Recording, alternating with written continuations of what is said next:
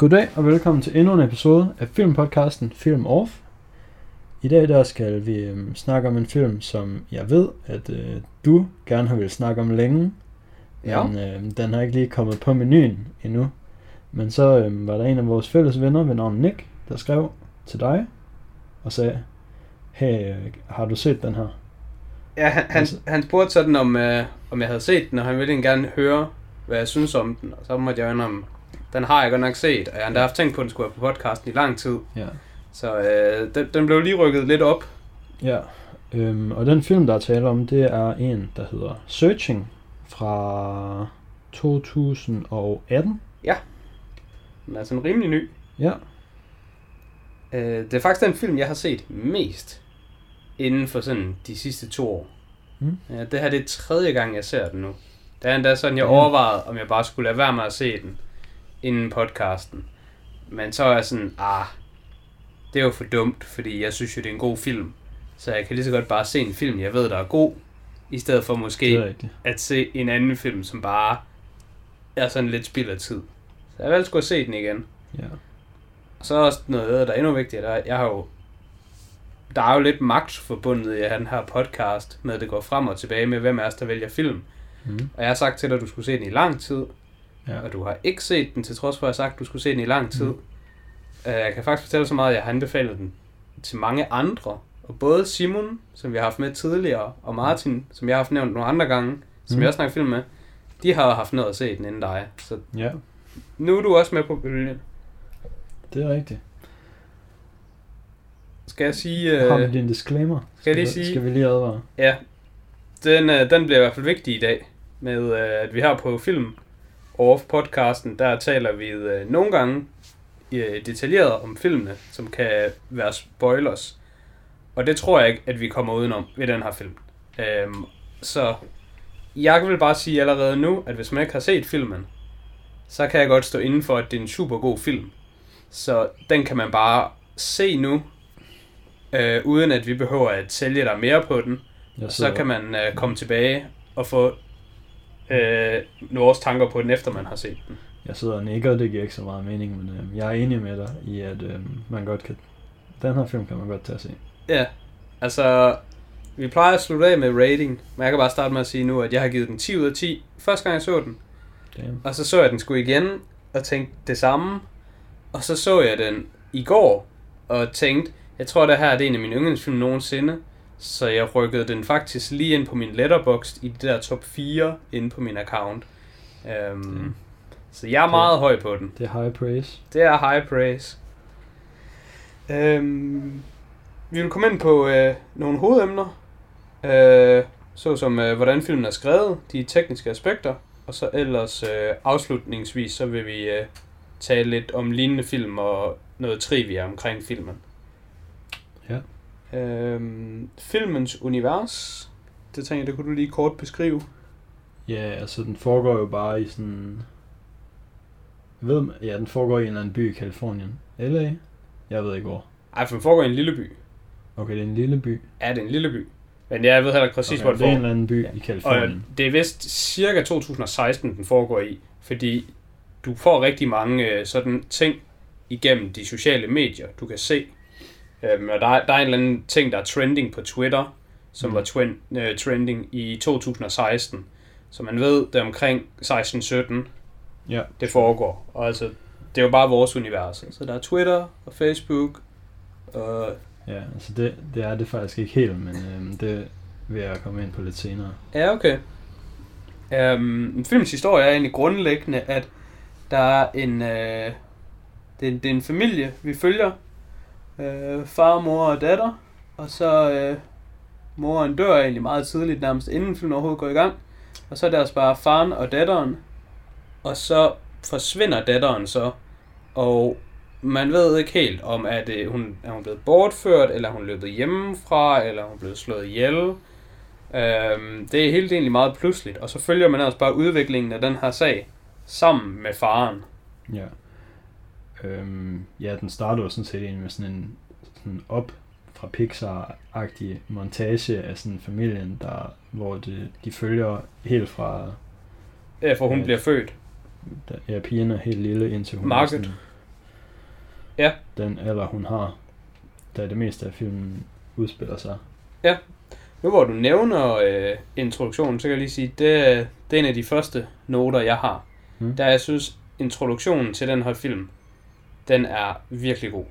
Altså, det er en, det er en sindssygt godt lavet øh, montage, som bare sådan på rigtig kort og effektiv vis får sådan sat hele setup'et. Altså, man får forklaret, ja. hvem de er, og hvor de kommer fra, og altså, jeg synes bare sådan, fem minutter inde i filmen, der har du egentlig allerede sådan lidt en, øh, Ja. en, en forståelse af personerne, og, og du er emotionelt investeret i dem. Ja, altså det er, det er lidt at pusse min egen glorie nu, men jeg synes, den minder rigtig meget om introen til Op, og den er også ekstremt god, den i Op. Nå, ja, men jeg, jeg er helt enig. Den, den minder meget om op, fordi det var bare det der med, her har vi en, en, en menneskealder, eller en generation, der bare sådan bliver fast forwardet. Mhm. Men noget, der er super fedt, synes jeg, øhm, her i Searching, man kan godt sige, øhm, resultatmæssigt er den meget det samme, som den er i Op. Øh, men i Searching, der er hele filmen, den bliver jo fortalt gennem, øh, hedder det, gennem sådan en teknolo- teknologi, så enten så ser man det gennem en telefonkamera, eller kamera på en computer, eller sådan noget. Og det, sådan som det er i introduktionen, så giver det rigtig god mening. Altså, det, Det er rigtigt. det, det er lavet virkelig godt.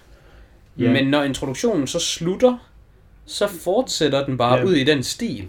Og Ja. det synes jeg er... Ja, hele filmen kører den her stil, Ja. at man bare sådan ser, øh, det er selvfølgelig redigeret, men altså det ligner, at man bare ser Altså, det, det, her, det er meget fluen på væggen. ja, Point of view. Men det er jo så Faren- bare igennem. faren i familien, som bare tænder sin computer, og så ser man sådan set bare et screen capture af, hvad der sker på skærmen, og så åbner han mapper med noget familiefoto og noget video, og så logger han ind på Facebook, og så skriver han med hans øh, bror og alt Ja. sådan noget. Og det ser man bare ved, at man ser det ske på skærmen. Ja, og det synes jeg er sådan direkte genialt. Altså, Det der er- ikke andre måder at forklare det på, end det er genialt. Og det er sådan en, når man laver sådan noget, vil jeg mene, tager sådan en kreativ beslutning til at lave en film, der kører hele vejen igennem på den måde. Mm. Det kan kun gå galt, eller gå godt. Ja, Og i det her tilfælde, der går det sindssygt godt. Men jeg er nemlig lidt bange for, hvis, hvis man får... Jeg har aldrig fortalt nogen, som jeg har anbefalet filmen, om at den har den her gimmick. Mm. Fordi jeg er netop bange for, at der er nogen, der vil tro, at det er en gimmick. Øh. Men den her fortælleform, som, som den gør, altså, jeg synes, det bedste måde, man kan forklare det på, det er, at du, du følger bare en film, som fluen på væggen, men på en naturlig måde.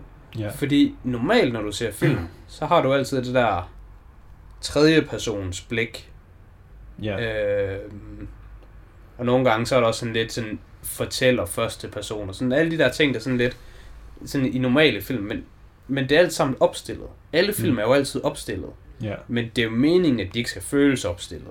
Det er lidt det, der er kunsten i en film. Og i den her film, der synes jeg, der, der, der det er en af de bedste måder, man kan opnå det på. ja. Fordi Øh, FaceTime minder- er jo bare aktivt, når de FaceTimer. Ja, de facetimer måske lidt mere end normale mennesker gør, men altså... Altså, det, det, det tænkte jeg også på. At some point, så... Det, det, jeg tænker også på, at der er nogle ting, men så er sådan lidt... FaceTime er ret populært i USA, ved jeg. Og Måske. Apple...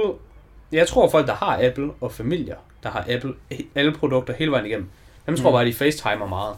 Jeg tror, grund til, at jeg tænkte, og sikkert du tænkte, at de FaceTimer godt nok en overdrevet mængde. Jeg tror, det er bare, fordi vi er sådan nogle Android-users. Der gør man sgu ikke sådan noget. Nej, altså man kan jo bare gøre det på Facebook. Jamen, jeg ved det godt. Facebook har fin videoopkald. Ja, men jeg, jeg tror sgu bare ikke, man gør det. Øhm, ja, det mindede meget om den skyldige, synes jeg faktisk. Med at man sådan følger meget man følger en del af handlingen, sådan, Ja. hvor man ikke er sådan direkte connected til det, men man er connected til det igennem en eller anden. Altså, Bevares. øh, nu kan jeg jo lige fortælle dig, at øh, under mine noter til anbefalinger, der står den skyldige. Så øh, det er vi begge to enige om, at øh, filmen minder meget om den skyldige. Ja, Øh, det der med, at den, øh, den, den fortæller hele historien gennem et, et begrænset point of view, og kun gennem Ja. én person.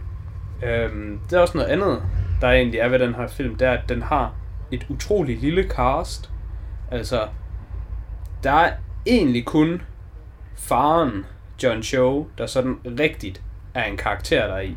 Og så de andre, der er også lige, man kan måske lige sige, at øh, hende der øh, øh, politikvinden, hun også er en karakter.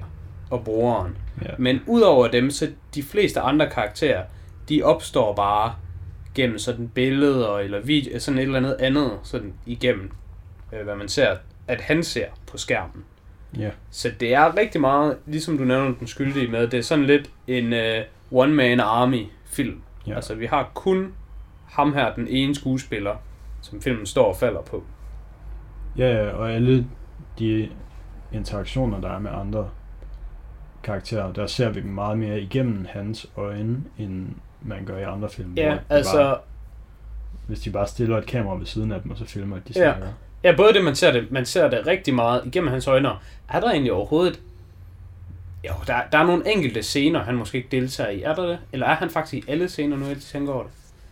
For eksempel i Den Skyldige. I Den Skyldige er der jo ikke en eneste scene, hvor at øh, politimanden Asger Holm, han ikke er hele vejen Ja. igennem. Han er Ja. med i 100% af filmen. Ja, jeg ved det. Altså, der er nogle få, hvor han ikke er med sådan Der- hele ja. tiden. Der er lige den der news report. Ja, der er Hvor han ikke news lige er der. Og så er der også sådan, der hvor man ser den der forsamling i kirken, der, um, der er han der ikke til at starte med. Nå ja, ja der, der, der, ser man, der ser man den.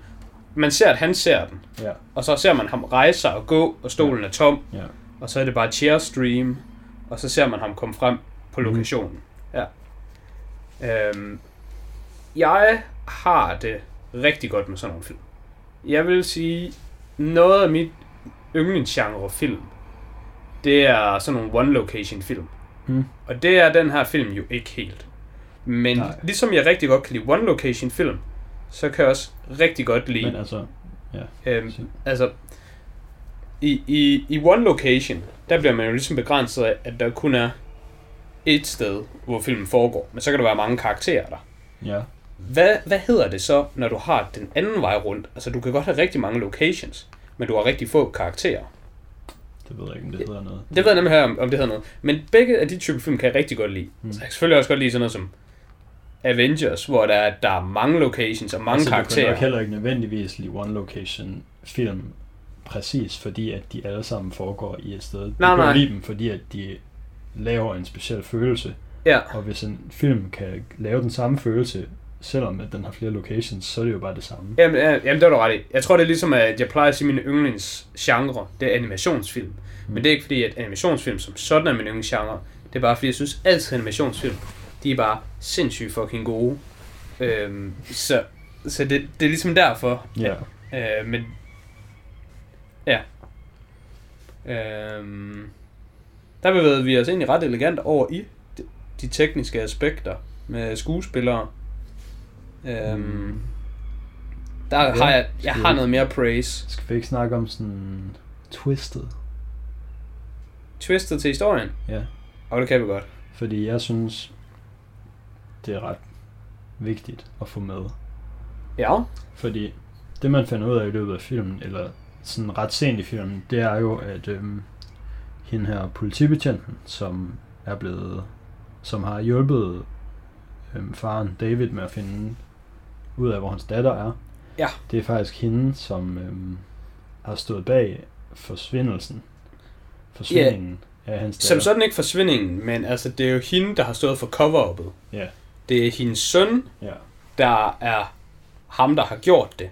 Mm. Men det er så hende, der ligesom faciliterer alt, hvad der foregår bagefter. ja. Fordi sønnen var egentlig klar til at bare gå ud og tilstå. Ja. Og sige, han har fucket op, det hele er noget lort, hvad fanden gør vi? Og så hun som mor bare sådan, nej, nej, nej, fuck det. Ja. Fuck det, der skal ikke ske noget dårligt for dig. Nu tager jeg bare... hvad- Øh, Det virker som om, det er fordi, hendes søn er sådan lidt... Altså, han er autist eller et eller andet. jeg, jeg er næsten 100% sikker på, at han var autist. Jeg har en helt tydelig hukommelse om, at jeg kan huske, at hun har sagt, at han er autist. Det siger hun ikke. Nej, men det, det lagde jeg mærke til her, da jeg så den igen. Men, men siger bare, at han er en special boy. Jamen, jeg har, men, men jeg har en helt klar erindring om, at en tidligere gang, hvor jeg har set den, der bliver der stated, at han er autist. Men det kan måske være, at det er fordi, jeg har jo haft set filmen en gang, Ja. og så har jeg været inde på nettet og læse om den og se reviews om den. Mm. Så har jeg set filmen igen, Ja. og så har jeg været inde og læse og få reviews, og nu har jeg set filmen igen og læse og se reviews. Hmm. Så jeg har, jeg har virkelig været igennem den her film mange gange. Og jeg vil mene, at hvis de, de siger det ikke eksplicit i filmen, Nej. Hun siger, at han er en special boy, der Ja. ikke kan sådan, håndtere de samme ting i verden og sådan noget som normale børn. ja, Og så er, han jo, så er der jo noget galt med ham. ja han er i hvert fald øh, socialt udfordret. Ja. Det, det, det gør de meget tydeligt. Ja, hvor vil du hen med det? Eller vil du bare sige det? Det skal bare Øhm, siges. Nej, men jeg vil bare sige, at øhm, med sådan nogle film, hvor der er sådan nogle store twists, så er en del, vigtig del af det, det for mig er altid at sådan prøve at vurdere, hvor meget chance man sådan havde for at se det komme. Ja. Øhm, og det er jeg faktisk ikke helt sikker på, hvordan det er med den her film, så det vil jeg faktisk gerne høre dig om. Oh, så, Fordi, så er det jo heldigt, at jeg har et helt emne her, der hedder foreshadowing, ja, som fordi øh, vi kunne komme ind på. da jeg var færdig med at se den her film, der havde jeg faktisk lyst til at se den igen. Fordi at så kunne jeg finde ud af nogle af de her ting. Ja. Men man har, heller, man har heller ikke rigtig lyst til bare lige at fyre to timer mere på sin film, man lige har set. Altså, det gjorde jeg stort set. Første gang, og det er ikke to timer, det er noget andet, der er super fedt, den her film. Altså 1,40 eller sådan noget. Den var en time og 36 minutter. Okay, Sprød længde. sure. Film, de skal være en time og 40 i mit liv. Plus minus. Det er det, jeg gerne vil have. Det, det er det fedeste. Mm. Øhm, jeg er ret sikker på, at jeg så film, altså jeg, jeg så filmen alene første gang, og så var jeg sådan, wow, den her film er godt nok sindssyg, den kunne jeg godt tænke mig at se igen, og jeg skulle lige snakke med nogen om, og så er den allerede sådan en uge efter igen. Mm. Øhm, men der var nogle ting, jeg lagde mærke til i første omgang, så inden jeg, jeg begynder at sige noget, så vil jeg spørge, lagde du ikke mærke til en eneste foreshadowing? Da, mens du så den, eller efter du havde set den, var der ikke noget, du tænkte over imens? Øhm, Allerede 5 minutter ind i filmen, der afslører de noget meget vigtigt, og det så jeg allerførste gang, jeg så den. Og der tænkte jeg, det er godt nok mærkeligt, det her. Og så, så, Mm. mm. så tænkte jeg ikke mere over det. det men ved jeg ikke det Da er. Margaret, hun starter øh, i high school, Ja, så filmen starter jo ligesom med, at øh, montagen slutter, og filmen starter med, at der er sådan et billede, hvor de står, øh, hvor Ja. man har øh, Margarets first day in high school. mm-hmm. Og det er så et billede af øh, David og Margaret, der står foran high school. Mm. Og bag dem, der er selve high school jo selvfølgelig, og Mm. der er sådan en, et stort, øh, ikke banner, men sådan en sten, hvor der ligesom er hugget skolens navn ind i. Mm. Og så nedenunder, der står skolens motto, så man skal kalde det. Det er sådan noget, de har i USA, rimelig mærkeligt. ja. Men den hedder et eller andet Evergreen High, eller hvad den hedder. Og så nedenunder, der står der Home of the Catfish. Og første gang jeg så den, så tænkte jeg, Hmm.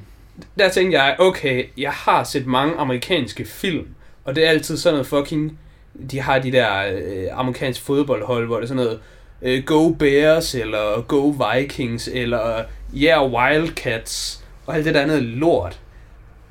Go catfish. Ja, og, så, og, og det var der faldt jeg mærke til den allerførste gang, så, så der tænkte jeg, catfish? Hmm. Der er sgu da ingen fucking skole i verden, der har en catfish som maskot.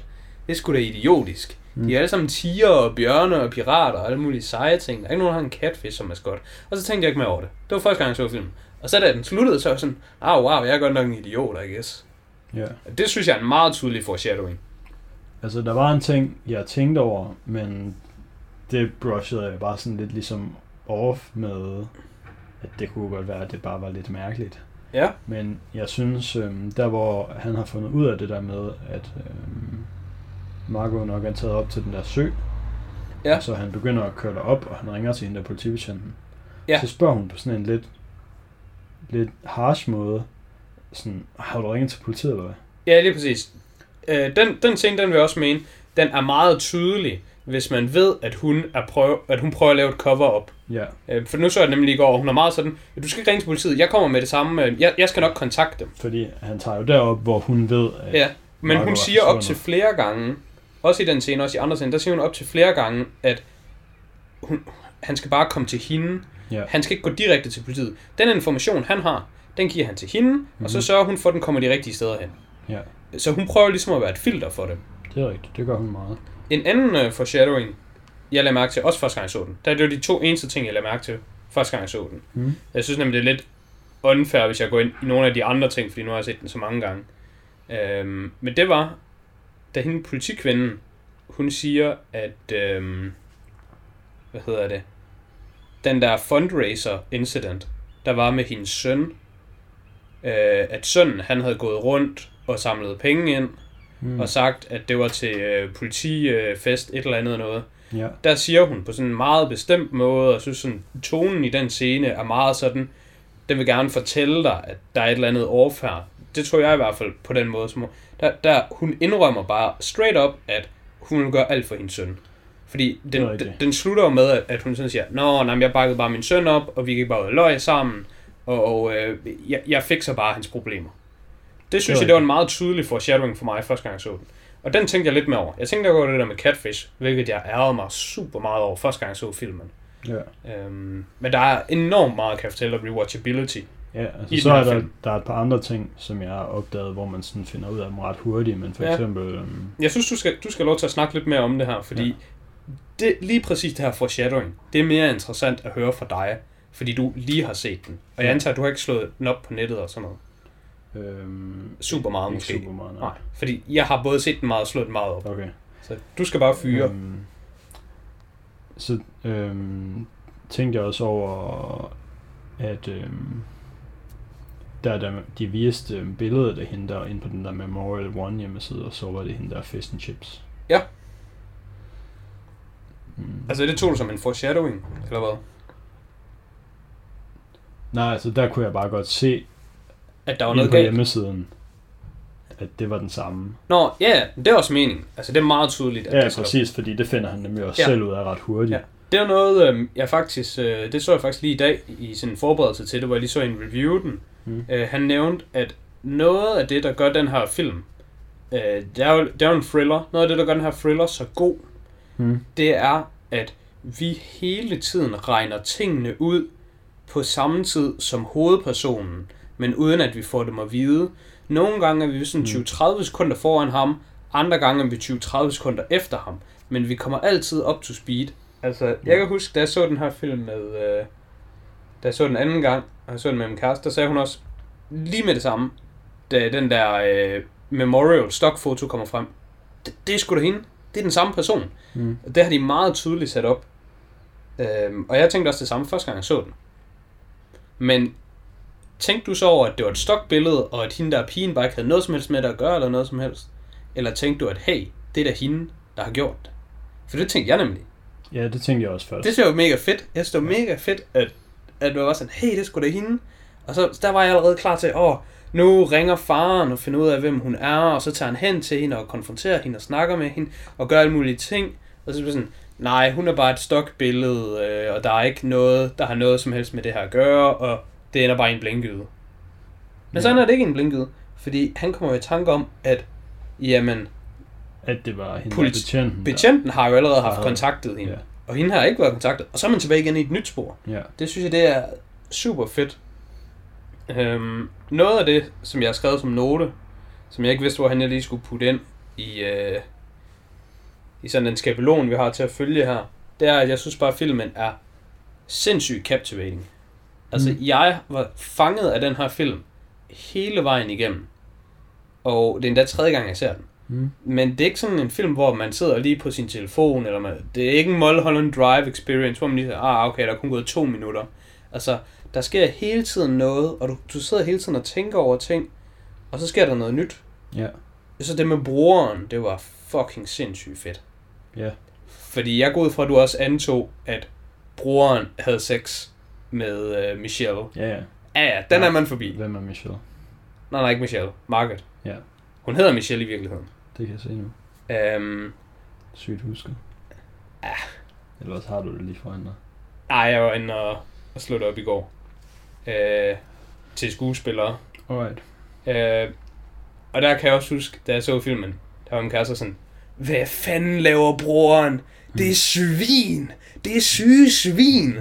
Og det sidder man jo også selv og tænker, og man er bare, man er bare, man er bare fanget, fordi jeg synes filmen, den, den laver lidt den der med den, den tager dine expectations og vender imod dig. Ja. Og den måde, den redder dem på, synes jeg også er helt genial. Fordi altså, hver gang, at vi er ude i de her twists and turns, Hmm. og det er sådan en blinkgyde, så er der aldrig sådan en blinkgyde, hvor der er, Nå, så kører man bare bilen fuld skrald ind i en mur, og så er man bare død. Men man, man får altid lige sådan drejet tilbage til, altså der kommer sådan en sådan en god forklaring til det med, Ja. Nå, okay, han lavede faktisk noget suspekt. De røg has sammen. Den var ikke helt god. Altså, selvfølgelig lavede han ikke de ting, vi ja. tænkte. Men, Altså, man finder lige sådan lidt krummer, så kan man ligesom følge sporet hen til noget nyt. ja, det er præcis. Og, og, og der var alligevel et payoff, er egentlig mere det, jeg mener. Der har været, hver gang, at du tager en, en blinkgyde, så at sige, Hmm. så er det ikke helt en blinkgyde, fordi der er et payoff. Der er Mm. payoff med, okay, broren havde gang i noget andet, og man lærer lidt om, at datteren ikke tog de der øhm, klaverlektioner. Ja. Øhm, så hver gang vi følger sådan en sådan sidequest til ende, og det samme med øh, Fish and Chips stokfotoet. Hmm. Nå, okay, men betjenten har ikke kontaktet hende, så der er noget, der er lidt af underligt der. Du får hele tiden payoffs i sådan små doseringer undervejs i filmen. Ja. Og det synes jeg også, at, at det holder en interesseret, og man sidder sådan og tænker, ah, okay, det var ikke sådan, det hang sammen. Men der var noget om det alligevel, så du føler heller aldrig helt, du tager fejl. Den, den, den er sådan en, en god film at se, synes jeg, for, altså for seerens. Øh, normalt så taler man jo om en, hvad hedder det, en, en character journey. Ja. Og det er jo egentlig også, den her, hele den her film er jo bare hele farens character journey. Men faren og seeren, synes jeg, er bare tæt på at være identisk. Så hans character journey føles også som vores character journey. Hmm. Og det synes jeg er mega sweet. Det, det ved jeg slet ikke, hvor mange andre film man det er har det på rigtigt. Vi samme har måde med. altid, vi er, vi er altid næsten en til en med at have de samme informationer, som han har. Ja, og noget, der netop er meget vigtigt ved det, og det, det viser jo bare sådan, hvor basale vi som mennesker er. Vi har de samme informationer som ham, men vi, jeg vil ikke sige, at vi nødvendigvis reagerer på samme måde som ham, men vi bruger dem på samme måde. Ja. Fordi du tænkte det samme om broren, som jeg gjorde. Mm-hmm. Og Mhm. jeg tænkte også det samme om det der stokbillede, at det var faktisk en rigtig person, ikke bare et stokbillede. Så vi følger det hele Mhm. til bunds på samme måde som ham.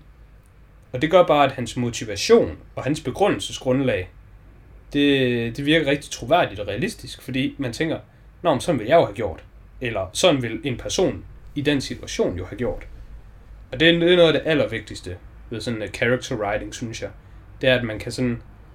De gør ting, fordi det er sådan, man gør ting. De Ja. gør ikke ting, fordi det er det, plottet kræver. Hey, nu skal der ske det her, så kan du ikke Ja. lige gøre det her. Øhm, det, det synes jeg, det er mega sweet. Ja. Hvad var der ellers? Var der ikke... Der har også været andre twists. Nå, jo, jo, jo. Hvad med der, der hashtag dad did it twistet? Det synes jeg så også, det var nice. Altså, øh, der er også lige... Lille... Var, det var, var det et rigtigt twist? Det var bare sådan... Ja, der var lige et lille to minutters idioter øjeblik. på Twitter. Altså, jeg vil ikke sige, at jeg troede, han havde gjort det. Men jeg nåede at sidde med Nå. sådan, sådan en følelse og tænke sådan, wow, okay. Har det ændret sig til det her? Altså, Jeg troede slet ikke. Altså, jeg var ikke engang tæt på at komme til at tro, at han havde gjort det der. Jeg tænkte bare, okay, det er godt nok træls for, om folk poster de der ting på sociale medier. mm, men altså, de strør jo noget tvivl i hovedet på en med, at hun er løbet i. Altså, det er inden, at du sådan rigtig tænker, at hende der politibetjenten, hun er lidt underlig. Ja, ja. tidligt i filmen, hvor hun stadigvæk har meget credibility, det er der, hvor hun siger, hey, prøv at se, vi har fundet det her øh, kørekort, som er øh, øh, et forfalsket dokument, og hun har skiftet navn, og hun har hævet de her penge. Altså, Mm. der er en meget troværdig historie bag, at hun er løbet hjemmefra. Altså, jeg mener ikke, at dad did det som i, at han slog hende ihjel. Altså, jeg var aldrig ude i, at, at det var ham, der var ude i parken. Det ved man jo, det ikke er, fordi man ser hende jo ringe til ham der om natten. ja. Men ja, jeg var- okay. Men, men hvad jeg mere vil sige, der er, at, at du, du kommer igennem det der med, at altså, det, det, det, der tænkte jeg mere, det var sådan, han drev hende væk. Ja. Jeg, jeg havde sådan en passage af filmen, hvor jeg tænkte, at hun bare var løbet væk hjemmefra. Og det synes jeg er mega fedt, at man går igennem flere cykluser. Er hun løbet væk hjemmefra? Er hun blevet bortført? Ja. Ja. Er hun blevet slået ihjel? Og er- hun blevet slået ihjel? Var det planlagt? Eller også, som, som der er en eller anden, der nævner, at det kunne også bare være en random person. Hun kunne godt er bare have været ved at løbe væk hjemmefra, og så er der bare en tilfældig person, der har mødt hende, som kommer op og tops. Det er jo også der, hvor ham, der han tilstår. Det synes jeg også var troværdigt. Altså, alt den har været igennem. Ja. Hver gang Ham har man til gengæld så... Det havde jeg glemt igen, men ham har man set et billede af lang tid inden. Så der, der kunne man jo bare straight up vide, lige så snart, at man ser den der tilståelse, at det var noget Ja, fisk. hvor havde han med set det billede af ham? Der var det der billede af hende, hvor hun står sammen med de der ex-convicts, hun har bygget et eller andet hus sammen med. Eller sådan noget. Er det ikke for senere, man ser det billede? Nej, det ser man lige i starten, og så ser man det igen. Og så senere. ser man det senere. Ah, okay, cool. Der i starten, da hun bliver assigned til hans case, og Ja. sidder han og googler hende. Ja. For at finde ud af, om hun er en god patient. Der ser man det der billede. Der ser man billedet. Ah, okay, så... Ah, det er sådan, han finder det igen. Ja. Ja, okay. Det, det kunne jeg faktisk ikke huske. Det er altså også noget af det, der er super fedt ved... Øhm, hedder det. det er godt, du bringer det op, for det fik jeg ikke lige noget før. Men med den måde, at filmen er lavet på med, at du ser det hele igennem computeren, det gør også, at enormt meget af informationen, øh, vi får øh, som ser, det foregår gennem tekst. Mm. Der er meget mere tekst i den her film, end der er i øh, en almindelig film, hvor det hele er dialog. Og det, der er rigtig fedt ved det, det er, at du får et helt andet indblik i, hvordan folk opfører sig. Fordi vi, vi kender jo alle sammen godt, når du skriver en besked, og så sletter du lige den besked, og så skriver du bare lige en ny besked, eller du ændrer lige lidt i beskeden. Ja, ja. gør man hele tiden. Det gør man jo hele tiden, men det gør du jo ikke, når du snakker. Du, Nej. du, du siger jo ikke noget, og så lige sådan, nej, det glemmer vi lige. Ja. nu siger jeg lige noget andet i den her situation. Altså, sådan er det jo ikke på, på samme måde. Nej. Og det bruger de også til en af mine yndlings øh, øjeblikke i filmen. Altså virkelig, øh, den bruger de til den rigtig gode comedy-effekt. Der hvor, øh, hvordan er nu, de bygger sådan scenen op, hvor der er en, der, der spørger, øh, David han har lige ringet til hende der øh, moren, hvor hendes søn er ude i camping, og Ja. de tror, at de er hende med og sådan noget. Og så spørger moren, Oh, David, are, are you okay? Og så siger han, Oh yeah, I'm okay. It's all good. Og så skifter den bare til scenen, hvor han bare sidder sådan her. Så sidder han bare og fucking fyrer på hans tastatur. Og så ser man bare den der besked, Are you fucking kidding me? You are taking the money. Og han går bare helt amok i tekst. Og Ja. så er han sådan, ah okay, den sletter vi lige. Ja. Men Så ring til mig, når du lige får signaler. ja, lige præcis. Den indre monolog, Ja. den får du ikke i no- sådan normalt i andre film. Nej, det er rigtigt. Og det synes jeg, det er, det er sindssygt smooth. Mm. Det er virkelig smooth, at man bare... Du får simpelthen en helt ny dybde og en helt ny forståelse af karaktererne ja. i den her film på den måde. Noget jeg har tænkt over i forhold til sådan, hvis man skal komme lidt mere over i de tekniske aspekter af filmen, det Ja. er om der er nogen, der vil sådan, det er, svært, det er svært for mig at vurdere, fordi at det er jo ikke et problem for mig, men om der er nogen, der sådan vil struggle lidt med at forstå nogle af de ting, der foregår, især sådan i starten, hvis man ikke sådan rigtig ved, hvordan computer virker. Nå, bare roligt. Det der, der har jeg også som punkt, jeg tænkte, vi kunne tale om. Så det kan vi bare tage nu. Der har jeg dog nede under en af mine punkter, der hedder sådan kritik, parentes Ja. spørgsmålstegn. Fordi jeg synes, at det er totalt til grin, at den her film, den ikke har højere rating, end den har. Den er Mm. kun rated 7,8 på IMDb. Og det, der. 7,6. Mm. Det er under al kritik. Det er en kæmpe joke. Det synes jeg simpelthen, det er for latterligt. Mm. Og jeg tror simpelthen, den eneste forklaring, det er, at boomers, de kan jo bare ikke lide den her film. Jeg tror ikke, at den her film er særlig fed for boomers. Og Det altså, være, at den ikke er så boomervenlig. de ser den jo bare, og så går de jo bare ind og giver den 5 eller 6. Og det er bare totalt til grin, synes jeg. Men det er sandt, det du siger. Jeg tror, øh, jeg tror den, den lider lidt ved, som jeg sagde tidligere, når, når, du, når du laver en film på den her måde, så kan den enten kun gå godt eller galt. Ja. Og jeg vil jo Men mene, det, det kan godt gå, det kan godt gå godt for nogle gode målgrupper og galt for andre. lige præcis. Det, Det behøver ikke være straight home run, run for alle, eller Nej. straight dårligt for alle. og, og det er lidt det, jeg, jeg, jeg vil øh, forvente, at der er sket her. Ja, det kunne man sagtens forestille sig. Øhm, og det synes jeg sgu er lidt ærgerligt. Fordi den er jo ikke teknisk krævende at forstå den her film overhovedet. Nej, men altså, jeg tror, det giver sådan lidt bonuspoint, hvis du lige er lidt nostalgisk for den der Windows XP boot og lyd Ja, ja. og sådan noget. Men der, der har jeg også indrømt det her punkt med, øh, altså, noget der er ret fedt ved det, det er, at så går de ind på Tumblr, og så er Mm. han sådan, what's a Tumblr, stadig forkert. Mm. Og så staver han det forkert. Og så ser man jo så, at Google siger, did you mean Tumblr, og så kommer han ind på den og sådan noget. Mm. Øhm, jeg havde sgu også et lille boomer moment, må jeg sige, øh, da de skulle ind på, hvad, hvad hedder den, Ucast Live? Ca- Cast.com? Men den, altså, det ved jeg ikke personligt, men jeg gik ud fra, at det var en falsk side, der ikke findes i virkeligheden. Okay. Det kan man måske forklare, fordi jeg tænkte bare, hey, det har jeg sgu da aldrig hørt om det her. Mm. Men noget, der er mega fedt, det er, at de bruger Twitter, YouTube og Facebook, og det ser rigtigt ud, Ja. og det, er, det fungerer på den måde, som det skal. Men lige præcis den der, øh, hvad hedder det, casting, øh, Ja. streaming side. Den, den, den kendte jeg ikke. Min assumption var, at det bare er en side, som ikke findes i virkeligheden, som de har lavet til at serve the purpose, den skal serve i filmen. Men hvorfor det? Hvorfor kunne det ikke lige så godt bare være Twitch? Så? Det ved jeg ikke. Twitch er... Altså Twitch, så skulle det være sådan noget Justin TV, men jeg ved ikke, om det stadigvæk fandtes dengang. Men Twitch er jo gaming only. Nej, det er der Jo, det var det dengang. Nå, ja, det har nok været dengang. Men altså lige nu, i 2K20, Ja. så tror jeg, at den største kategori på øh, Twitch, det er som regel det spil, der er mest flavor of the month. Så det er sådan noget Fortnite, eller CS, eller måske hvis der er en stor Dota eller Starcraft, eller sådan et eller andet. Mm-hmm. Så er det som regel, den, eller League of Legends, det er de allerstørste, ja. når det bliver dem, der er over på vinden. Mm-hmm. Og øh, nummer to eller tre største på Twitch, Mhm. det er Just Chatting. Ja.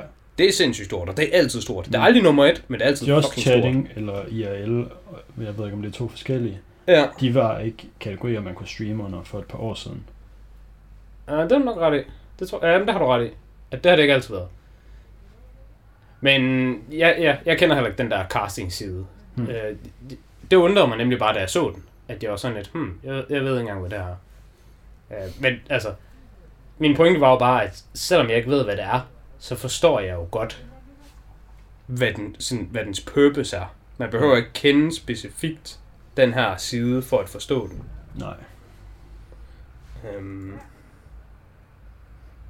Og andet, øhm, det fik jeg ikke nævnt tidligere, men den kan jeg lige tage nu. Mm. Øh, jeg synes filmen, sådan på det tekniske niveau, den måde den fortæller filmen på gennem den her teknologi, den, den snyder dig lige sådan to eller tre gange i løbet af filmen, hvor at det ser ud som om, at nu, nu fortæller vi ikke længere filmen gennem den her fluen på væggen, øh, øjet gennem et kamera, eller gennem øh, en telefon, eller gennem en computer, eller sådan noget. Mm. Jeg tænker specifikt på den scene, hvor det er, at vi skifter over til den der news report. Ja. Fordi der får du bare sådan et, sådan et drone-shot, eller sådan et helikopter-shot fra et eller andet sted, og det ja. ligner en rigtig film, hvordan man normalt i film filmer ting. Mm. Og der er man altså sådan, nå okay, nu, skift, nu, nu hopper vi ud i den virkelige verden. Nu, nu, nu tager filmen en drejning. Mm. Men så kommer der bare det der sådan newscast banner ind, og der er en, der begynder at tale, og der var bare sådan, oh my god, du fucking sned mig igen. Den følelse havde jeg to gange, øh, hvor de hvor de gjorde noget, og så tænkte jeg, ah okay. Ja. Men de har sat med været dygtige, sådan kreativt dygtige, synes jeg, Ja. til at Altså- kunne konsekvent holde ved, at filmens alle en time og 36 minutter, det er fortalt på den samme måde. Ja, altså på en måde så føler jeg, at de snyder lidt med de der newscasts, fordi det er sådan lidt en måde til at have noget rigtig video, og så putter de bare noget grafik henover det, og så er det sådan, så er det stadigvæk lidt inde i en skærm. Nå, ja, ja Sådan. altså selvfølgelig snyder Og de. den sidste del af filmen er ekstremt meget af det der nyhedsfootage. Ja, ja, men det er det. Altså, jeg, jeg vil gerne give dig ret i, at, at det føles lidt som snyd, Mm. men altså, det er jo stadigvæk der, hvor det er, at Ja, Den holder sig konsekvent. rammerne er bare, øh, det skal være noget, der kan ses på en skærm, ja, basically. Så holder de jo så stadig inden for det. Men de kommer meget ud af rammen, som er ting, David kan se på hans computer eller telefon. ja det, det er rigtigt. Altså, altså Eller det, ser det, på hans computer eller telefon. det er mere bare, den, den, den pander lidt ud fra, at det er sådan øh, første persons point of view med David, til Ja. nu bliver det bare mere Fordi- tredje persons Fordi point til, of view. til at starte med, der ser man jo kun de ting, som han ser. Ja. Men senere, der er han til stede i nogle af nyheds footagen. Ja. Og så er det jo klart, at han ikke sidder og ser det på fjernsynet imens, fordi han er der. Ja, lige præcis. Øhm... Og det synes jeg er fint nok, at de gør. Nå, men det, det synes jeg også. Altså, jeg, jeg er meget imponeret over, hvor godt de har kunne strikke det hele sammen. Ja. Øh... Og det er jo sådan noget af det eneste, jeg synes, man kan sige til det til cinematografien. Altså, fordi der er der jo ikke så meget ellers af i filmen. Altså, cinematografien Ja. er jo mere i, i den her film den, den kreative del. Altså, altså, hvordan der strikker er vi det sammen? Ja, altså der er nogle kreative ting, hvor de har, sådan, de har taget sådan noget sådan frihed i forhold til, hvordan tingene skal se ud, fordi det er jo klart, at noget af det, der skal ligne, at det er sådan filmet med et selfie-kamera, det er bare pænere, end det ville være, hvis de rent faktisk havde filmet det. Ja, Så der, der ved man godt, okay, det der er filmet med et rigtigt kamera, de har sat ind foran ham, og så skal man bare tro det med hans telefon. ja.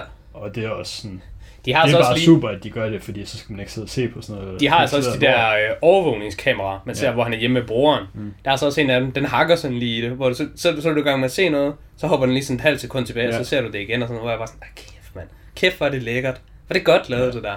Men sådan overall, så sådan- er de fleste af kameraerne bare bedre kvalitet, Og ja, end altså, jeg ville forvente. Det er en crisp Ja. film, den, den er Ja. flot at se på, men der er også nogle gange, altså, når de facetimer, Ja. så er de lige sat ned til, ah okay, vi er kun øh, 480p eller sådan noget, og Mm. altså, altså på den måde det. Men jeg vil sige med cinematografien, det er, at i den her film, øh, man kan jo godt på den ene måde sige, at øh, der er ikke rigtig noget cinematogra- cinematografi i den her film. Men jeg vil sige, at cinematografien i den her film, det er mere, hvordan er opsætningen på alle de her skærme. For noget af det, der er mega cool, det er, at der er sjældent, der er noget, der er fullscreen. Det Noget af det eneste, der er fullscreen, det er jo de der newscasts Ja. og, og den der slags ting. Men så ser du altid hans browser, og så, så er der sådan nogle reklamer ude i siden, og der, der, er, hvad, hvad han søger på, og når han søger ting, så kommer den også med de der autosuggestions, og altså, Ja. der skal ja, man tænke også på, tit, hvor han har siddet og kigget på noget, og så skal han lige kigge på noget andet, så åbner han bare et nyt vindue, og så kan vi stadigvæk se det andet i baggrunden, Ja. og så kan vi se, hvordan det, han har siddet og kigget på før, relaterer til det, han sidder og kigger på nu. Ja, men, men, men den, den del vil jeg med at sige sådan, det, er mere, det hænger jo bare sammen, fordi øhm, al- altså det, det, jeg egentlig vil komme ind på, det, det er det med, at du ved, for eksempel, i for eksempel animationsfilm, Hmm. så har du jo dine karakterer, og du har sådan din handling, ja. som ligesom er det, du skal lave. Ja, Men du er også tvunget til at have en baggrund, fordi det skal der jo være i animationsfilm. ja. Øhm, og når du har det i virkeligheden, så er der selvfølgelig også en baggrund, men langt hen ad vejen, selvfølgelig afhængig af hvilken film du laver, så den baggrund, den får du egentlig bare for free i det, at du begynder at øh, optage, mens du er på en location. det er Så er din baggrund, den udfylder sig selv. Øhm, og i den her film, der er ikke rigtig nogen baggrund, der udfylder sig selv. Så hele skærmen, du skal tænke på, der er også ting ved siden af, som bare er sådan random filler, der bare er sat ind. Ja. Og når man er på øh, Twitter for eksempel, der er sådan en eller anden trending ting, der er sådan hashtag trending, det har navn, Ja. som var stort dengang. Altså der er lagt enormt meget attention to detail i den her film. Til Mm. at den føles som om, når faren er på internettet, så er han rent faktisk på internettet. Han er ikke bare inde i en eller anden øh, blank, hvid skærm, mm. hvor det eneste, der står, det er ting, der passer ja. til historien.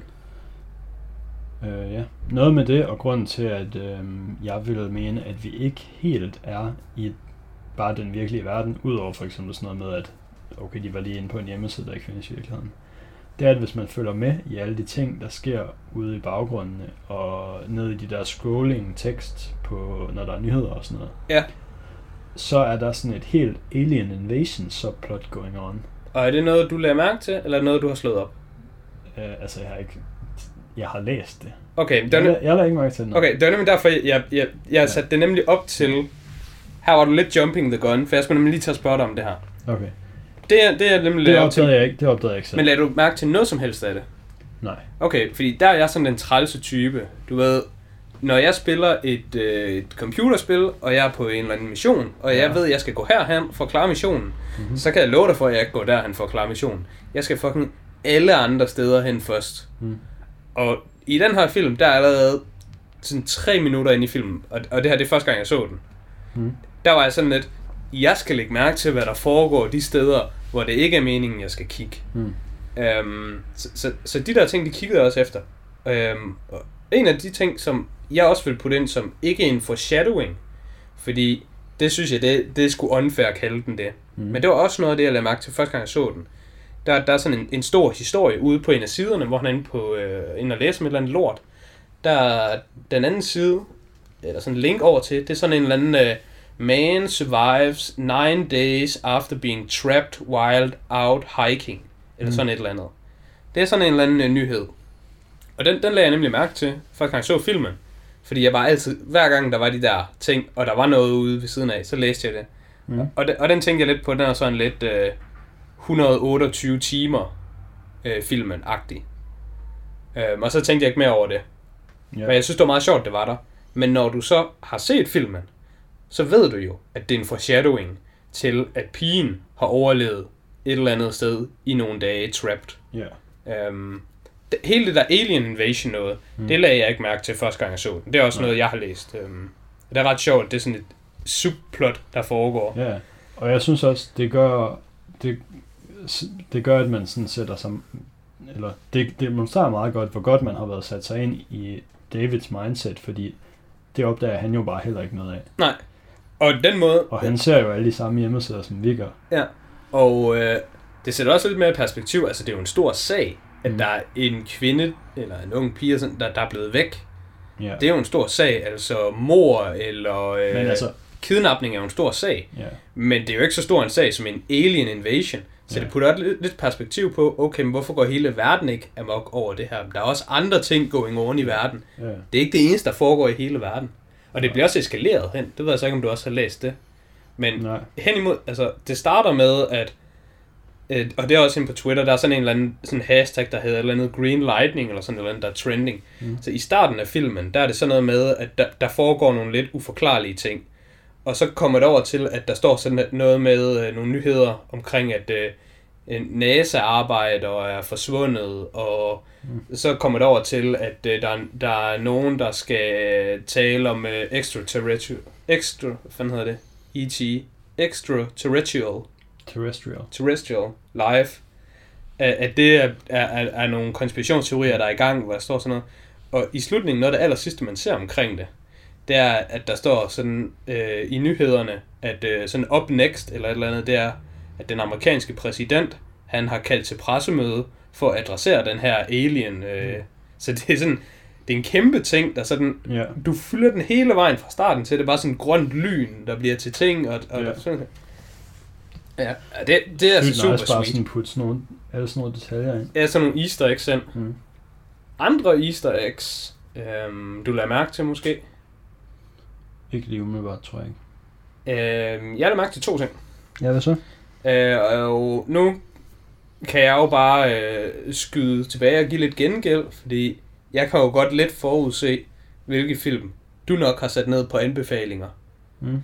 Så nu hvor du tog en fra mig så tidligt, så kan jeg lige tage en fra dig så tidligt. Og så måske sige Gone Girl. Har du den som anbefaling? Nej, don't even trip, bro. Nå. Jeg har ikke fået skrevet nogen den her uge. Så Okay. Du tager bare. Nå, den har jeg nemlig også som en af mine anbefalinger.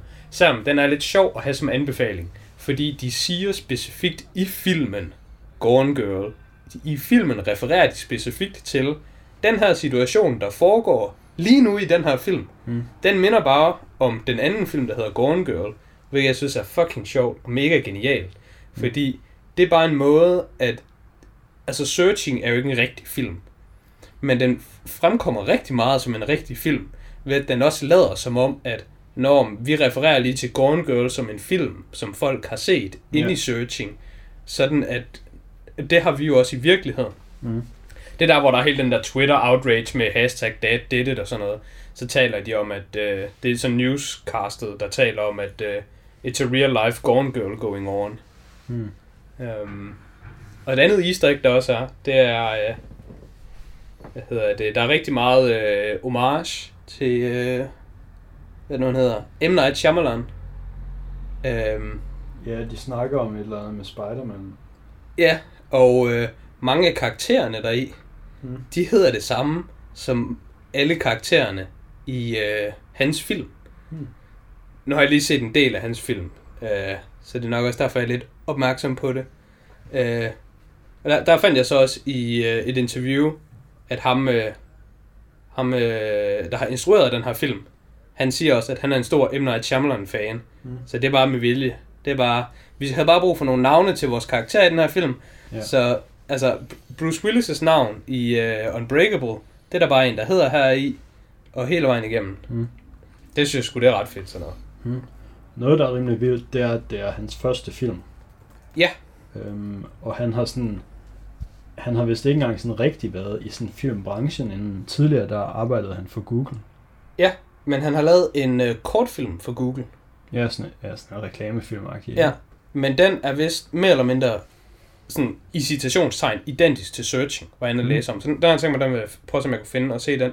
Hvor der var Okay. nogen, der sagde, at man kunne godt se, hvorhen at han har fået ideen til Searching fra. Mm.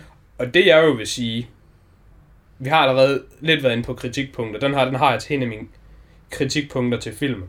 Og det er ikke, fordi jeg har kritik til filmen, for det har jeg fucking ikke. Hmm. Men jeg forestiller mig, at der findes nogle klovne ude i verden, der der har kritik til den her film. Og jeg kan godt regne ud, hvad den er. Og det er jeg klar til at defende på forhånd. Så som for eksempel det der med... Jeg tror, grund til, at den her film ikke er rated så højt, det er bare fordi, der er boomers, der ikke fatter teknologi, og så får de ikke lige så meget enjoyment ud af den. For jeg synes, det er en total joke, at den her den ikke er på IMDb's top 250. Det er utilgiveligt.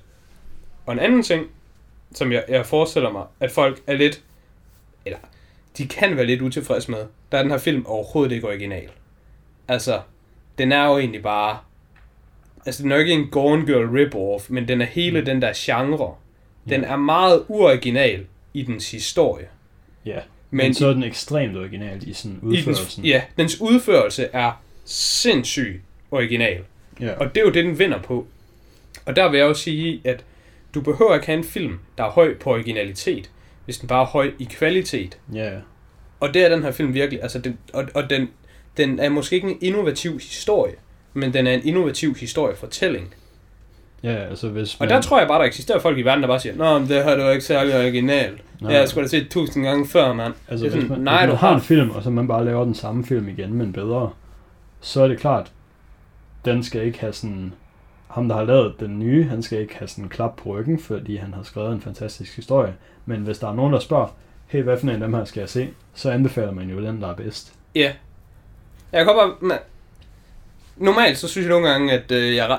Hver gang, hver gang jeg kommer med en metafor her på vores podcast, så hver gang jeg har sagt den, så tænker jeg altid, fuck, den var så fucking ringe, den der metafor. Mm. Hvorfor øver du dig ikke på forhånd, Mads? Det Du er tænk- så fucking ringe. tænker jeg også. Men øh, om dig selv eller om mig? Nej, når du kommer med din. Og mine er også fucking dårlige.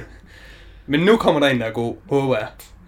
Det er ligesom, hvis folk de siger, at en hamburger, den er jo bare dårlig, fordi en cheeseburger smager jo bare bedre. Så derfor er en hamburger bare dårlig mad. Så er man en fucking idiot. Hvis man nu kan lide cheeseburger. Men det er jo det samme, udover at der bare puttede noget nyt på. Ja. Og det er det, jeg vil mene, den her film er. Altså den her, den er en gammel historie fortalt på ny. Men øh, så Og det kan folk, man ikke folk kritisere den skal for. sige, at cheeseburgeren er dårlig. Fordi den her film er cheeseburger. Ah, ja, yeah, I guess. Okay. Fuck, vi fuckede op igen. Ikke sige vi. Uh, vi, sådan, hvad er det nu? Uh, hedder det Roy- højtidligt vi? Royalt. Er det royalt vi? Ja, okay. Shit. Fuck. Det gjorde I, ja. Uh, shit happens. Og jeg har endda lige sat mig selv så hyped op. ah, Det var rimelig skidt, ja, det var skidt. Jeg ville ønske, at, uh, at vi lige kunne edit en gang imellem, men vi har jo taget en, Kan vi vi? har taget en beslutning på Film Off, at det hele er one take. Så uh, jeg må stå ved min uh, fiasko. Altså, der kan godt blive editet, men så sender jeg bare fil- filen til dig, og så kan du edite den. Ja, vi, jeg står ved, at jeg er en klovn. Pis. Min næste metafor Ja. bliver god. Øhm, Vi har, vi har været igennem de, de tekniske aspekter visuelt. Vi har ikke været så meget på lyd. Der er heller ikke super meget lyd heri. nej. Men, altså sådan... Sådan normal lyd, hvad man nu skal sige. Men jeg vil bare sige til den, jeg synes, den føles enormt virkelig.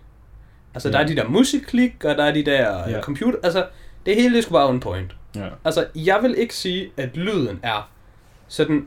Altså, vi er jo ikke Hans Zimmerman, Inception, noget som helst niveau her. Bare, bare hans simmer. Man. Okay. Vi, vi kører bare straight ud med fail lige nu. Nå. Men det er vi jo ikke. Men det synes jeg ikke, man kan kritisere den her type film for, fordi det ligger jo bare ikke i kortene. Nej, nej, så det ville nærmest sådan... Altså, det ville virke sådan lidt whack, hvis der var sådan mega episk musik hele tiden Ja. i den her. Hvis jeg skal have den der episke øh, musik, når han bare sidder og hammer løs på keyboardet, Nå, så man bare tænker, åh, oh, fuck, det er spændende, han bare sidder og skriver alle mulige chatbeskeder. ja. Men det er jo fordi, det gør andre film normalt. Det har Ja. jeg haft nævnt før. Jeg kan ikke huske, om jeg nævnt på podcasten, jeg har i hvert fald fortalt det til dig. At der er nogle gange, når du ser andre film, Hmm. hvor der er, at når der er sådan en hacking scene, Ja. eller i, i en hacking scene i nogle film, der kører det bare sådan... Og så, så kommer der alle mulige fucking grønne tal på en sort skærm, og det er bare spændende. Ja. Og andre gange, når du ser de der journalistfilm, så, så kører der bare sådan et eller andet... Sådan et eller andet lidt kedeligt. Mm. Og, og så, så ser man dem. Men altså, i virkeligheden er alle scener jo bare folk, der sidder med en fucking computer. Og så Ja. blaster de bare et eller andet musik for, at du skal vælge, oh wow, det her job, det er godt nok interessant, eller oh wow, det var godt nok kedeligt, det der job. Men det er der ikke noget af i den her film. Men det føles bare enormt troværdigt. Mm-hmm. Jeg vil dog sige, at der var lige en, en meget epic score. De lige blastede lidt op for. Mm. Og det er der, hvor der er øh, reunion med faren og datteren. Ja, der var da de begynder at fiske hende op. Ja, hvor de lige fisker hende op, Den der- smider lige krogen ud, og så har de fandme bid. Og der, jeg må sgu være mand nok til at indrømme, Mm. kom sgu en lille tårer. Jeg knep sgu en tårer, og jeg var sådan, åh, det havde jeg ikke helt regnet med. Fordi det er tredje gang, jeg ser den. Ja. Jeg skal indrømme, eller det, jeg skal ikke indrømme, jeg vil ønske, at øhm, ja, det, den havde været så følelsesmæssigt øh, sådan inddragende for mig, men Ja. så, så investeret var jeg ikke. Men jeg vil sige, at jeg var sindssygt investeret følelsesmæssigt hele vejen igennem. Mm. Men aldrig på sådan den der emotionelle måde. Men lige der, der, der blastede de skulle lige scoren på, Ja. ja. på den helt rigtige måde. Og så tror jeg også, at jeg vil give al crediten, 99% af crediten til John Cho. Ja, fordi jeg skulle til at sige, Vi har ikke øh, helt været inde på skuespillere endnu. jeg, jeg synes, og det var ikke skuespillerens skyld, men jeg synes ikke, Margot var sådan specielt fed. Altså det var bare sådan, Mm. det var sådan, Men hun er lækker. var hun? Hun er da lækker. Sådan medium. Okay, jeg siger ikke, hun er den lækreste i verden, men hun er hot. Hun er bare asiat og ikke grim. Hun er hot, og sådan er det. Må man godt sige det om en pige, der er... Hun er 15, fylder 16 I filmen. i filmen. Hvor gammel er hun i virkeligheden? Øh, Sikkert over 18. det er hun jo nok. Jeg vil lige have sagt Fordi noget. jeg synes også, hun så ud til at være for gammel. Nå, for gammel til at være den der her. Ja. Det har jeg ikke haft tænkt over før nu. Eller, det har jeg ikke haft tænkt over før tredje gang, jeg så filmen. Mm. Øhm, men jeg kan fortælle dig så meget, at hun er 29 i virkeligheden. Hun, hun spiller en 15-årig, der er ved at fylde 16, og fylder 16 under filmens forløb. Ja. Ja. I virkeligheden, der er hun en 29-årig, der fylder 30 under filmens forløb. Jeg synes, hun så alt for gammel ud. Okay. Noget, der er nemlig interessant ved det, det er, at øh, det gør, at der kun er 16 år imellem hende og John Cho i Mm. virkeligheden. Mm. Og altså, jo, han kunne da godt have fået barn, da han var 16. Men sådan som filmen er sat op, så er det sat op til, at der er lidt mere end 16 år imellem dem. Han holder sig også godt, så han kunne godt se ud, som om han er 30. Jamen, det er han overhovedet ikke. Han er sådan næsten 50. Ja, Han er 48 i, fi- i virkeligheden. ja. Ja, det, dem er Asians. Han kunne godt være 35 i hvert fald. Han kunne godt være 35, ja. Og så er det selvfølgelig klart, at du synes, hun ser for gammel ud. Mm. Øhm, den havde faktisk glemt til lidt fun fact trivia, men nu kom den op nu. Ja. Min anden fun fact trivia, det var det der alien subplot, som vi har været inde på. Og så en anden ting, der også er going on. Bare sådan en lille ting. Mm. Man ser også, øh, du ved, når han skriver beskeder, så ser man jo også hans indbakke derude på Facebook og lignende. Ja. Og det gør man jo også, når han er inde på hans mail og sådan noget. Der er en pige, der hedder Hanna, der sådan skriver til ham, han har været på date med. Og hun sådan skriver, hej, det var hyggeligt, hvornår skal vi mødes igen, og skal vi øh, ud og få endnu en uh, kop kaffe, eller sådan et eller andet. Og så bliver det så til sådan noget med, hvorfor fanden ignorerer du mig, og... Mm. Mm. Altså det er bare sådan nogle snips, man kan se, og så forsvinder Hedder hun datter. Hanna? Hun hedder Hanna. Okay, fordi det er jo også det, hende der um, stokfotomodellen hedder. Åh oh, ja, ja, det er ikke hende. Hende hedder bare Hanna. Det er sjovt, de hedder det samme. Ja, der er sgu masser af Hanna. Og så bliver det sådan noget med, hey, jeg har set nyhederne, jeg er så ked af det. Sådan. Så, så der er også lige sådan lidt, Ja, okay. hvor man lige sådan ser, det, det synes jeg sgu da er ret sjovt. Det er rimelig sjovt, ja. Øhm, jeg har stadig ikke fået lov til at give nok praise til John Cho. Nej, Den har jeg ikke så fået giv, afsted. giv lidt. Vi har sprunget over. Skuespillere ind under tekniske aspekter, den skal fandme have. Det her, det er en af de bedste performances, jeg nogensinde har set. Den er en af mine yndlingsperformances. Jeg ved ikke, om bedste er det rigtige ord så. Men den er, den er up there. Ligesom, jeg vil sige, min yndlings supporting character. Nej, han er overhovedet supporting character. Men den nævnte jeg også i In- Intouchables. At jeg synes ham, den øh, mørke Omar Sy, det, Ja. han, han er en af de bedste. Han er ikke supporting. Nej, det er han ikke. Men de, det er fordi, de er begge to med en, vil jeg sige. Ja. Han er en af mine... Den, den rolle, den karakter, er en af mine yndlings of all time. Hmm. Og det er det samme her i. Jeg Hmm. synes, John Cho i den her film er noget af det bedste skuespil, og noget af det bedste Hmm. karakter, jeg nogensinde har set. Og det er selvfølgelig påvirket af, at det her det er en af mine yndlingsfilm of all time. Hmm. Men det tror jeg, det er sådan lidt en slange, der bider sig selv i halen. Fordi det er, det er både en Ja, sindssygt god film, og det er sindssygt god performance. Så, så der er ligesom lidt... Det er klart, de løfter hinanden op. Ja. man kan godt have en dårlig film med en god performance, men man får nok ikke sin favorite performance of all time i en film, der er dårlig overall. Nej, lige præcis. Det er, nem- sådan har det lidt med, øh, den har jeg fornævnt et par gange før, den, den kan folk godt, lure på, den kommer på et tidspunkt på podcasten, men uh, Cool Hand Luke, Hmm? Cool Hand Luke er også en af mine yndlings performances of all time, men filmen er sgu ikke helt all that. Men okay, den er ikke Mm. helt all that. Alright. Øh, skal du ikke også lige fyre noget afsted? Giv lige lidt praise til John. Jo, men jeg synes da også, han er god. Jamen, skru mere op for entusiasmen. Er han den bedste, du nogensinde har set? Nej. Er han bedre end Aragorn i Lord of the Rings? Mm, nej. Er han bedre end Heath Ledgers Joker? Altså...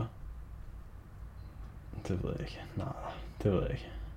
Du, ved, Aragorn har måske den bedste og mest følelsesladet Nå, men jeg fyrer også, of all time. jeg fyrer også bangers afsted, fordi jeg, jeg vil jo ikke bare spørge om, er han bedre end fucking uh, Ja. Jan Gilberg på kanten i fjerde afsnit, og sådan en fucking- lort. Tuder, når Aragorn han siger til hobitterne, My friends, you bow to no one. Så har man ikke et hjerte. Um, jeg forestiller mig også, at der, der, der kommer en Lord of the Rings special Mm. på et tidspunkt her i potten. Det, det, den er nok sikker. Uh, men det bliver nok alle tre i en. Så, Ja. så det kommer til at tage lidt, lidt uh, tid at fyre ind. Uh, hvad jeg så kan sige, efter jeg har set den her film, så er jeg sgu, jeg skal fandme have noget John Show i mit liv. Jeg skal bare direkte ind på Letterboxd, Ja. og så skal jeg bare ind og have fat i John Cho, og så skal jeg bare sige, vil jeg bare give mig, giv mig hvad du har, jeg, jeg vil have det, og så har jeg bare set filmene, og så har jeg bare tænkt, ah, ja okay, de var ikke så gode. Mm. Så det var sådan lidt ærgerligt, altså han har ikke så mange film, han er også, altså, altså, det, hvad hedder det, lignende film, hvor han har lignende roller. Mm. Øh, der var der en, hvor han var sådan en eller anden øh, lærer, arkitektlærer, den hedder Columbus. Der, den så ud til at være meget det samme, men den var desværre bare dårlig. Og det var super fesen. Mm. Jeg, jeg, jeg synes, der er det lidt bedre med sådan nogen som øh, Tom Cruise, som vi ikke må glemme. Når man ser Tom Cruise og tænker, at jeg skal have mere Tom Cruise, mm. så kan du altid bare tage en ny Tom Cruise, og så får Ja. du den samme Tom Cruise. Med mindre man lige har set Tropic Thunder. Ej, det er stadig Tom Cruise. Det er sgu da fucking Tom Cruise. Hvis, hvis, du skulle være, hvis du skulle sige noget, så skulle du måske sige Magnolia. Men der er han stadigvæk Tom Cruise. Hvis man lige har set Tropic Thunder, og sådan, man skal have mere af sådan, Tom, Tom Cruise er i den, så er der fucking ingenting. Det kommer an på, hvad man, hvad man vil sige, fordi jeg vil sige, at Tom Cruise i Tropic Thunder, han er over the top. Og Tom Cruise er altid over the top. Men han er det mest over the top. Ja, det er, altså, du kan godt få mere af det samme, men du kan ikke få mere af det samme på samme niveau. Mm. Men altså, Tom Cruise, han er altid, han er cranked up. Han er en fucking legende. Jeg har lige set John Cho, han er med i um, alle de nye Star Trek film. Ja, jeg, jeg mener, han er, han er en af de der crew Ja. ship boys. Ja. Han er en af de der cruise ship boys, som man kender, hvis man er en Trekkie, Ja, tror jeg. Han er en, der hedder Zulu. ja okay. Jeg kender kun Beam Me Up, Scotty. Mm. Og Spock. Jeg Lidt synes Long faktisk, de Prosper. der Star Trek film er ret gode. Jeg synes faktisk, at de her Star Trek film, de er ret ok. Mm. God, det er too much. Men for mig, der ligger de mellem 6 ud af 10 plus minus, men tættere på minus. Mm. Men de går an. Mm. De går ikke meget an. Øh, skal vi have noget her? Øh, highs and lows har vi ikke været inde under.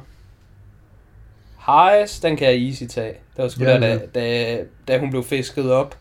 Det var godt. Ja, det var noget, godt. Noget, jeg synes var lidt underligt, det, der, det var, at øhm, jeg synes ikke, den der kløft, hun var røget ned i, var særlig stejl. Altså, jeg sad og tænkte, ja. Der kan man godt lige, der kan man godt lige kravle ud. Ja. men det, vi så man kan jo... godt lige kravle op ad den bakke der. Ja. Men kan man også se, hvis man lige blev gonket i hovedet, eller sådan lidt efter at Ja. faldet ned? Nej, det kan man måske Og vi ser jo også kun toppen synes, af den, skal du huske. Vi, ser, vi ved jo ikke, hvor dyb den er. Den kan godt være mere stejl andre steder og sådan noget. Jeg synes, vi ser for meget. Jeg synes, det havde været utrolig nemt for dem, at bare ikke flyve den der drone helt så langt ud over kanten, som de gør. Ah, Fordi ja. de kunne bare holde den inde Ja, på den ja. anden side af kanten, og så kan man bare se sådan et cliff face, der dropper ud af ingenting. Men i stedet for, så fløj de den skulle lige ud over og viste os, at det var sådan en 45 grader bakke. ja, altså nogle gange så less is more. Ja. Det, det er rigtigt. Det havde, den følelse havde jeg faktisk også første gang, jeg så filmen. Eller første gang, jeg så filmen. Der havde jeg en følelse af, der gav den kun 9 ud af 10, fordi jeg var sådan lidt, Mm. ah, det var sgu aldrig ikke lige ringet til mig, dengang de lavede den, fordi så kunne jeg lige have sørget for, at filmen var lidt bedre. Mm. Det er sådan en arrogant tanke, jeg nogle gange har, når jeg ser nogle film. Jeg holder stadig på, at Tarantino, han skal bare samarbejde med mig, så får en bedre film. Fordi han kan ikke finde ud af at kill his darlings. Nå, men han kan bare lige få en note her. Den tredje akt i alle hans film, den skal han bare lade være med at lave. Jeg ved ikke, man skal lade være med at... Den tredje akt i Hateful Eight er god, Okay, men jeg har ikke set Hateful Eight. men Men hvis, Hateful Eight er så lang, at Ja. det bare... men hvis Django bare var stoppet inden tredje akt, så havde det været en bedre film. Mm, ja, er, ja, jeg ved ikke, om den havde været bedre. Fordi Men det det er der, også- den bare bliver til sådan en slasher og Ja. massakrefilm. Ja, jo, men den havde holdt sig bedre. Det giver jeg dig ret i. Ja. Men ved den her film, ved Searching, der tænkte jeg, at jeg vil gerne have den holdt open-ended. Og det er efter Christopher Waltz og DiCaprio er død. Okay, så er vi ikke interesseret længere. Så er vi selvfølgelig ude. Men i Searching, der hvor de vender om og kører tilbage, og der er den der sådan politi, ikke jagt, men hvad man ligesom skal kalde det. Mm. Øhm, der havde jeg faktisk tænkt på til at starte med, at der synes jeg bare, at filmen den skulle slutte. Mm. Altså ikke slut, slut, men sådan begynde at fade ud og være sådan. Og så finder man hende, overlever hun. Altså sådan, lad det være lidt up to interpretation. Mm. Øh, jeg synes, den bliver lidt for Hollywood good feely. Og det er også noget af det, jeg forestiller mig, at der er nogen, der vil have endnu et kritikpunkt, jeg er klar til at forsvare, med at, ah, hvordan kunne hun overhovedet overleve? Og jeg ved godt, at filmen fortæller, at hun overlever på grund af, at hun får vand, men jeg ved bare, at der er nogle haters, som ikke kan fatte, at de skal give den her film 10 ud af 10, mm. som så vil sige, at det var en af grundene, og åh, hun kan ikke overleve det urealistisk. Ja. Øh, men her, hvor jeg så den tredje gang, jeg lige knep en tår, sådan, så sagde jeg, ved du hvad, det skulle fandme i orden. David, han fortjener en happy ending, og som jeg normalt nogle gange er imod de der Hollywood endings, fordi de føles lidt for forrest med, ligesom i uh, Law Abiding Citizen, hvor, ja. Det, hvor det er forfærdeligt. Så Ja. i den her film, der er det sgu faktisk i orden. Ja, det er sådan lidt, altså, de, det er tit sådan, at den måde film skal slutte på, den skal jo være sådan, at karakteren ligesom har gjort sig fortjent til det, de får til sidst. Ja, altså, der bliver sgu bundet en rigtig fin øh, Ja. sløjfe på den her film, og det kan jeg ret godt lide. Ja. Så har jeg mit sidste kritikpunkt, jeg kunne forestille mig, at folk de vil være lidt imod. Mm. Det er der, hvor moren, øh, politidamen, hun sidder og forklarer ting inde i det der rum, hvor hun sidder under øh, forhør. Mm. Der forklarer hun sindssygt meget, i virkelig mange detaljer, og egentlig bare forklarer alt, hvad der er going on, og hvordan tingene er faldet på plads. Ja. Den scene føles rigtig meget som sådan en over-explanation scene, vil jeg sige. Tingene bliver forklaret lidt for meget. Ja. Og det kunne jeg godt forestille mig, at der var nogen, der synes... Det, det, der er ofte sådan folk, der ikke kan lide, når ting bliver skåret ud i pap, for alle er med. Mm. Men, men jeg synes, at det er acceptabelt i den her film, fordi det, filmen den føles rigtig meget som sådan en whodunit-agtig film. Den føles lidt ligesom Knives Out og den slags film, synes jeg. Mm.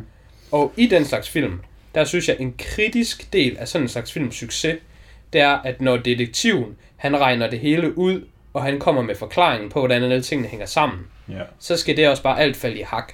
Og det ved jeg godt, at der er lidt sådan over-explanation. Ja. Men jeg tror også, en grund til, at det sådan virker fint, det virkede også fint nok for mig, og jeg tror, en grund til det, det er, at øhm, alle de ting, hun forklarer, det er ting, som der er callbacks til i løbet af filmen, så det er ikke sådan bare, man sidder ikke bare sådan, K, det er bare fint alt det, du siger der. Det er sikkert rigtigt, hvis du siger det.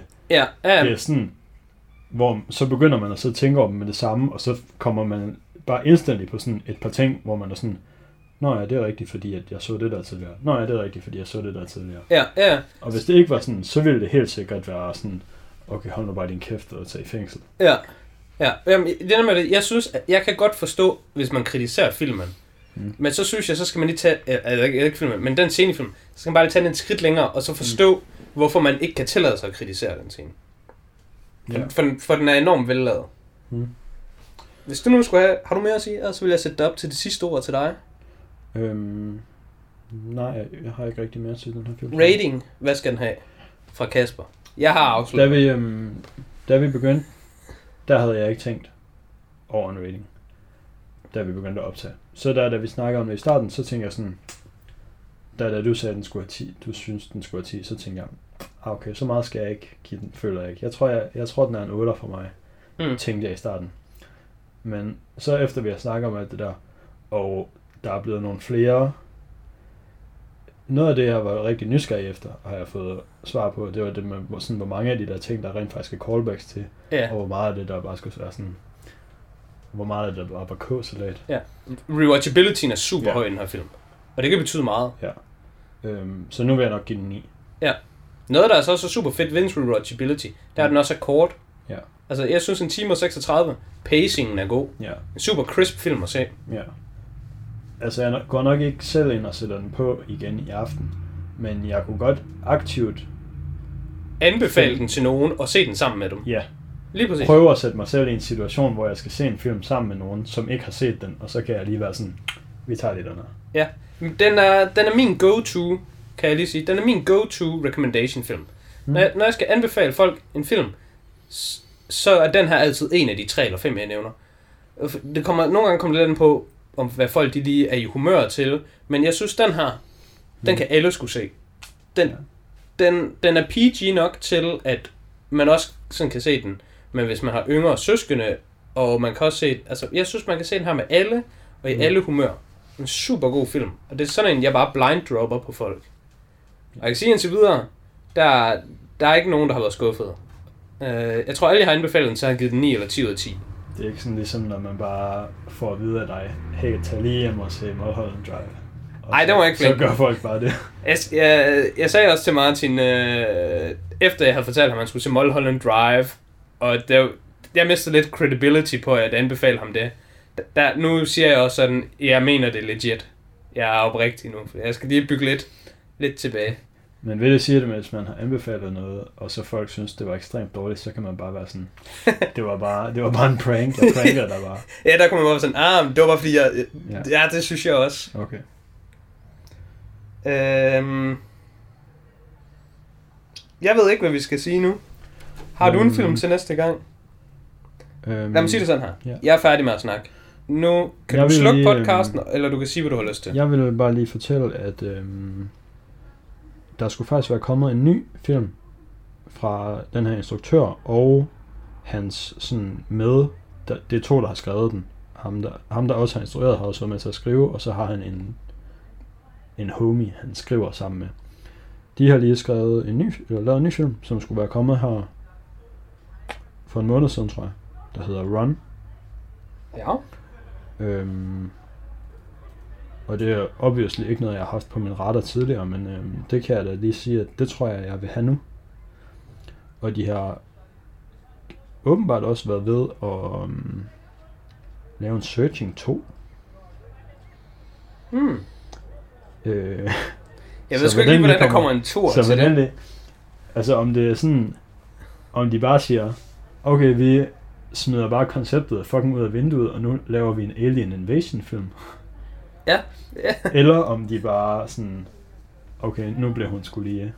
Det, det er bare Taken-modellen. ja, nu Nu er fortæller hun hun lige væk igen. igen, og så skal han lige lede efter hende igen.